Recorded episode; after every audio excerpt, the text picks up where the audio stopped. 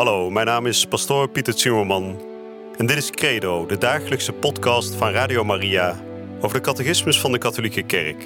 Samen dringen we elke dag een beetje dieper door in het prachtige plan van liefde dat God met elk van ons heeft. Laat je inspireren en ga met ons mee op deze avontuurlijke reis door het geloof.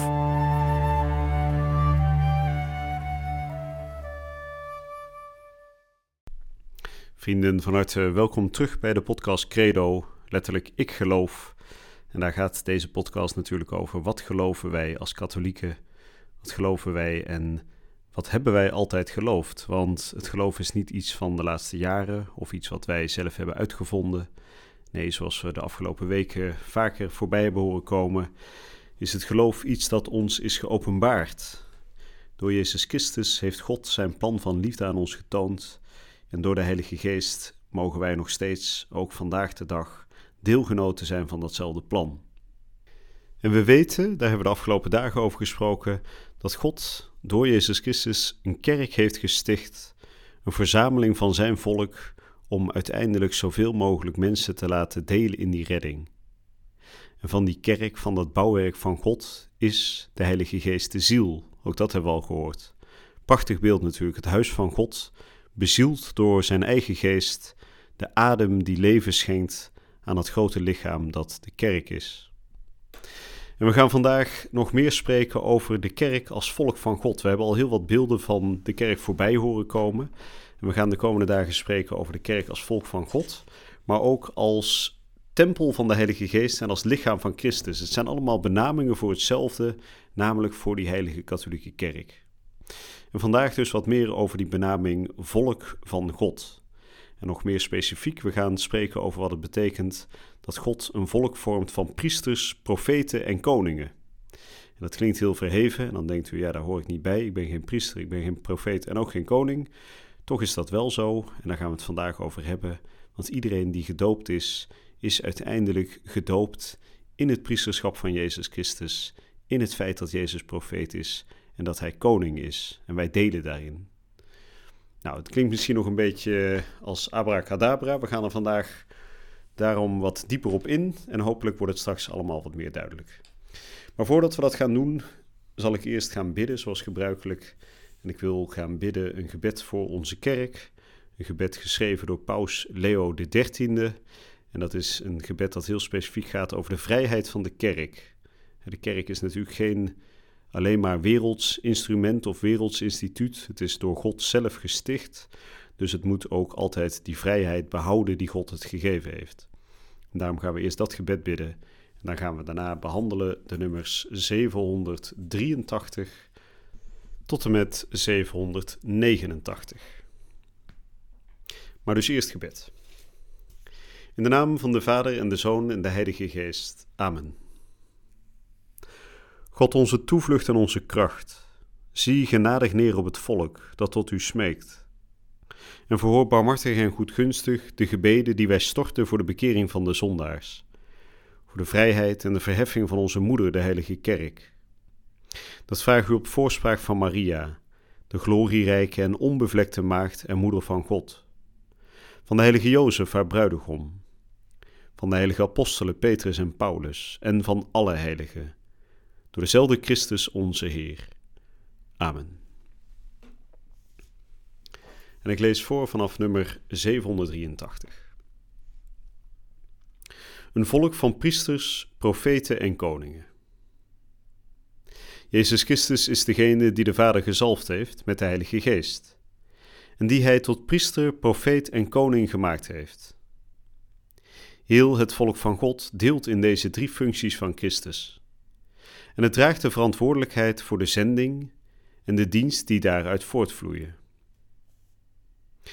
Wanneer men door het geloof en het doopsel toetreedt tot het volk van God, gaat men ook delen in de unieke roeping van dit volk.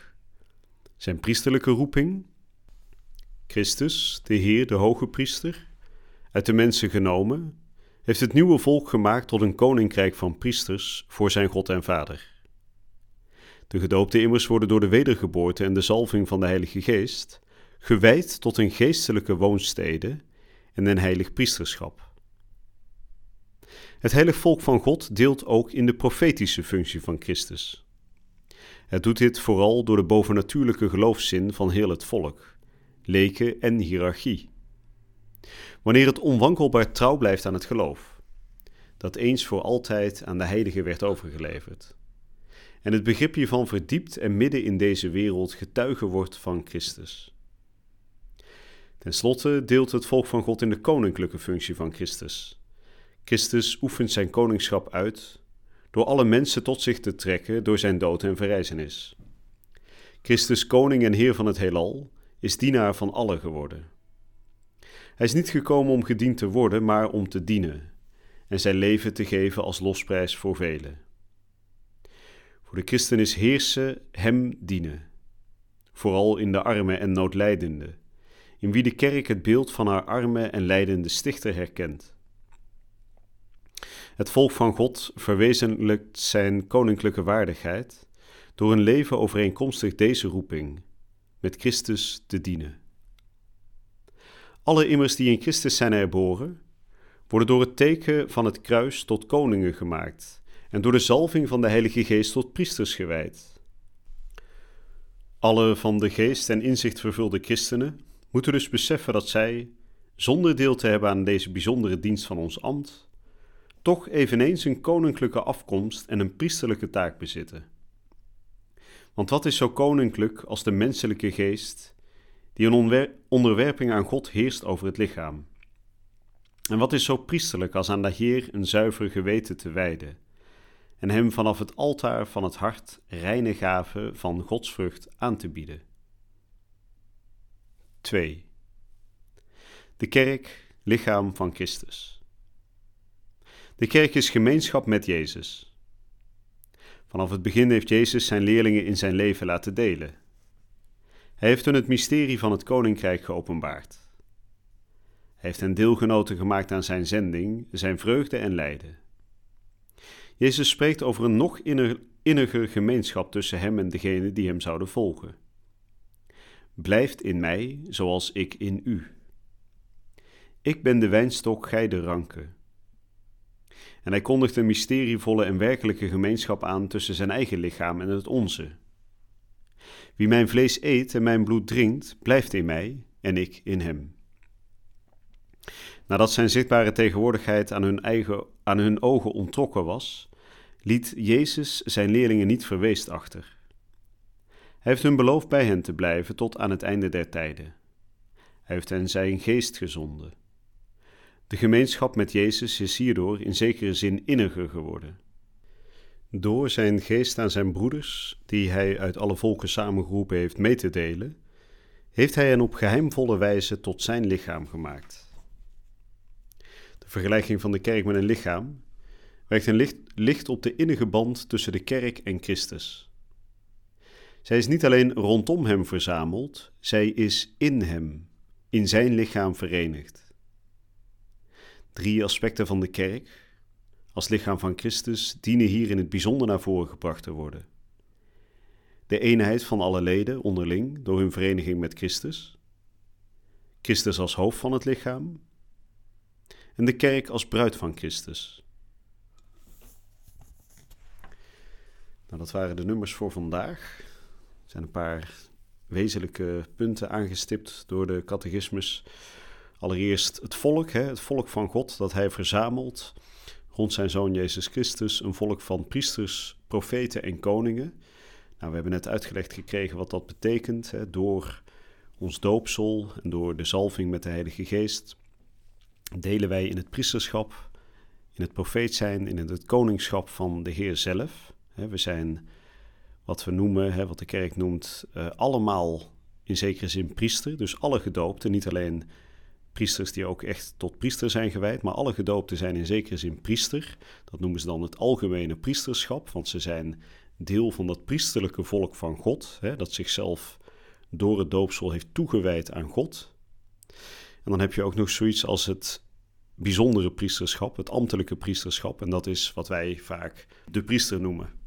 Elke gedoopte is dus in zekere zin ook profeet, hè, doordat hij deelt in die profetische zending van de kerk, hè, om het woord van God te verkondigen, om de blijde boodschap uit te dragen. Dus in die zin zijn we allemaal profeet.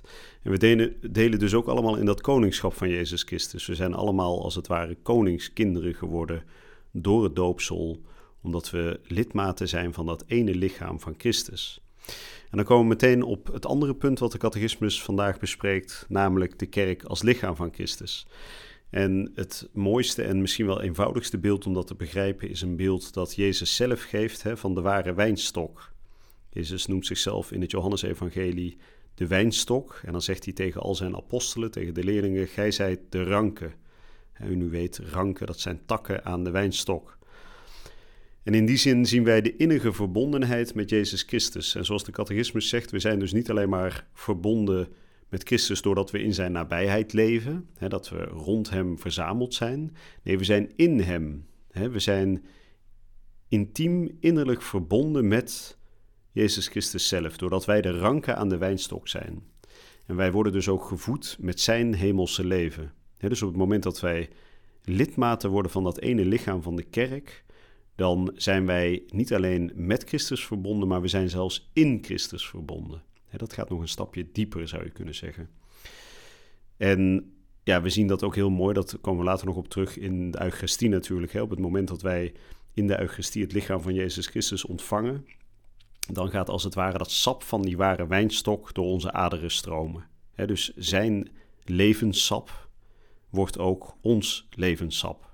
De wijnstok, wij de ranken.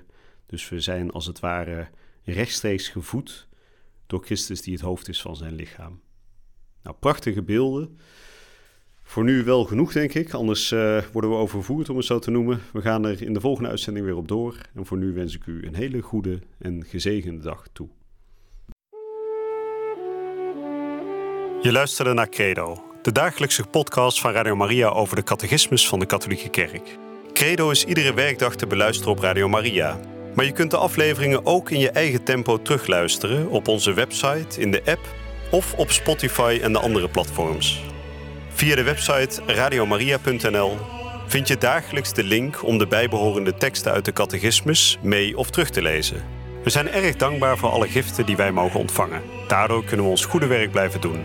Draag je ook bij aan deze missie?